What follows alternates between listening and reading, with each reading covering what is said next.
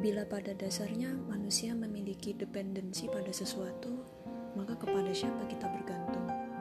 Bila manusia pada dasarnya ingin ada seseorang yang mendukung atau sesuatu yang dapat membuatnya bersemangat dalam menjalani hidup, maka apa dan siapa yang dia cari? Bila dependensi menjadi sifat alamiah manusia, maka tentu menjadi pilihan bagi kita untuk menentukan apa dan siapa yang paling pas untuk dijadikan tempat bergantung. Bagi seorang muslim, it's so simple. Just Allah subhanahu wa ta'ala. Biar Allah yang jadi tempat kita bergantung, apa pun, kapan pun, dan di mana pun. Dalam situasi apa pun, Allah tetap menjadi yang pertama.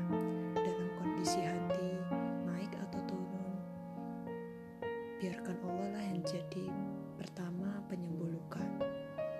Kalaupun hari ini memang gelap, kalaupun pikiran hari ini sedang keruh, biarkan Allah menjadi satu-satunya tempat kita mencurahkan dan minta segala solusi.